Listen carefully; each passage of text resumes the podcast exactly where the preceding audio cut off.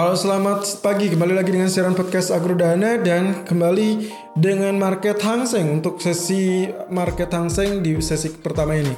24085 untuk running price jam 9.30 lalu kemudian area tertinggi adalah 24195 dan area terendah 23996 um, 200 atau 300 poin ya kurang lebih Ya, kita asumsikan ini adalah 200 poin ya. Lalu kemudian area pembukaan sendiri adalah 24097 teman-teman.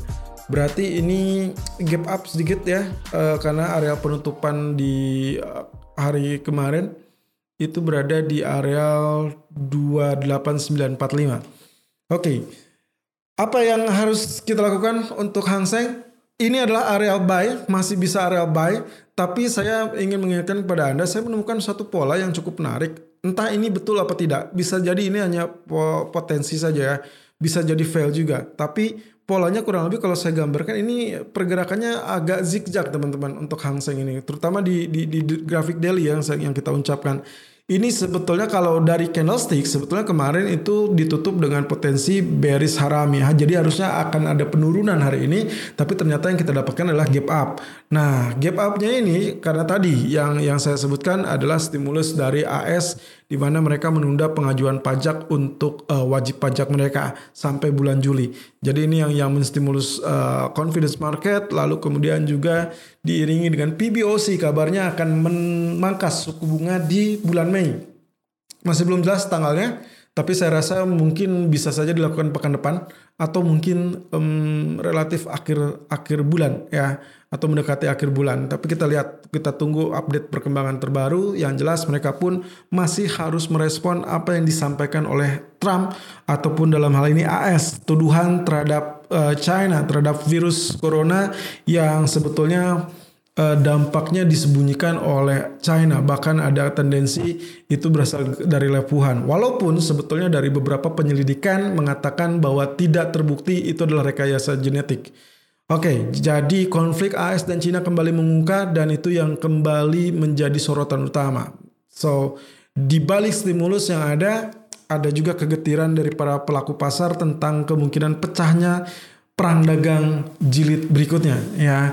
Dan fase pertama ini masih diragukan meskipun China kembali meyakinkan bahwa mereka tetap akan melakukan sesuai dengan konsekuensi atau perjanjian dari fase pertama. Tapi kita lihat saja ya, apakah statement-statement yang cenderung menyalahkan China membuat sakit hati China lalu kemudian tidak atau ogah-ogahan untuk melakukan uh, trade deal bersama AS atau tidak. Yang jelas saya sempat membaca bahwa China ini adalah mereka memiliki uh, sekitar 40% GDP global itu berasal dari China.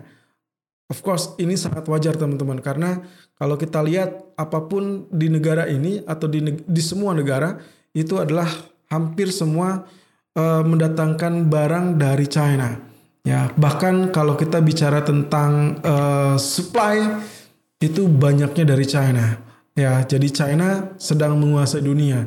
Itu yang tidak disukai oleh pemerintahan Trump sebetulnya. Well, of course itu adalah sedikit polemik dan politik lebih kepada geopolitik mereka. Kita lihat dengan potensi-potensi lainnya tentang wabah virus corona ini sendiri. Oke, lalu kemudian gara-gara stimulus itu yang mengalami kenaikan, tapi kenaikan ini kalau di kembali lagi saya ingatkan, saya menemukan satu pola namanya diamond pattern. Mungkin detailnya Anda bisa lihat langsung ke channel YouTube kami Agronom Futures Official. Saya sudah sediakan di situ gambarannya. Ada potensi dia mengalami kenaikan terlebih dahulu ya. Jadi saya prediksikan dia menaik dulu, tapi pas dia mengalami kenaikan justru dia akan mengalami tekanan kembali ya. Jadi uh, dalam pola ini dia membiarkan polanya zigzag sembarang dia langsung kemudian dia up lalu kemudian nantinya di area rejection atau di area resisten terjadi rejection lalu dia tekan dan tekanan itu akan berakibat kepada potensi breakout di area support. Dan konfirmasi dari bearish reversal sendiri itu muncul di area breakout support ya. Jadi itu masih masih ya at least mungkin satu atau dua hari ke depan kita akan lihat ya. Gagal atau enggak itu potensi dari diamond patternnya bisa jadi gagal ya. Makanya saya sebutnya di sini adalah uh, uh, potensial ya potensial potensi ini bisa berarti uh, jadi atau misalkan gagal. Ya kurang lebih seperti itu. Suspected ya, masih suspected atau dicurigai sebagai pola diamond. Lalu kemudian di grafik keempatnya sendiri kita masih dalam pola yang kemarin sempat ditembus areal uh, trend channel ya trend channelnya sudah tembus dan lalu kemudian terbantu oleh gap down di awal pekan makanya dia belum pulih untuk menutupi gap yang kemarin sehingga kemungkinan potensinya akan ada potensi tendensi untuk menutupi gap gapnya sampai berapa saya curiga areal 24.400 bisa muncul teman-teman. Sampai sejauh ini areal tertinggi adalah 24195. Tadi pagi saya sempat menganjurkan adalah 24050 saja. Ya, meskipun sedikit tertinggal, tapi saya lihat potensi dia koreksi adalah untuk areal buy on dip. Jadi tadi dia sempat koreksi sampai 23996 ya, which is good karena areal buy saya adalah 24050. Uh, eh, lalu kemudian targetnya di 24105 dan itu berarti sudah kena Uh, lalu kemudian uh, target kedua adalah 24165 ya. Hati-hati kemungkinan di area 24250 ataupun 24400 atau mendekati itu akan terjadi pola yang ya mungkin relatif tertahan apalagi di sesi kedua. Ya, kita akan lihat potensinya sentimen akan terhenti karena kemungkinan mereka akan berjaga-jaga untuk rilis data non farm nanti malam. Kurang lebih seperti itu. Saya sarankan Anda selalu untuk uh, melihat potensi pergerakan lainnya, termasuk juga perkembangan dari paket stimulus, juga kebijakan, dan juga AS versus China. Selalu gunakan stop loss dan risk management sesuai dengan equity dan strategi trading Anda.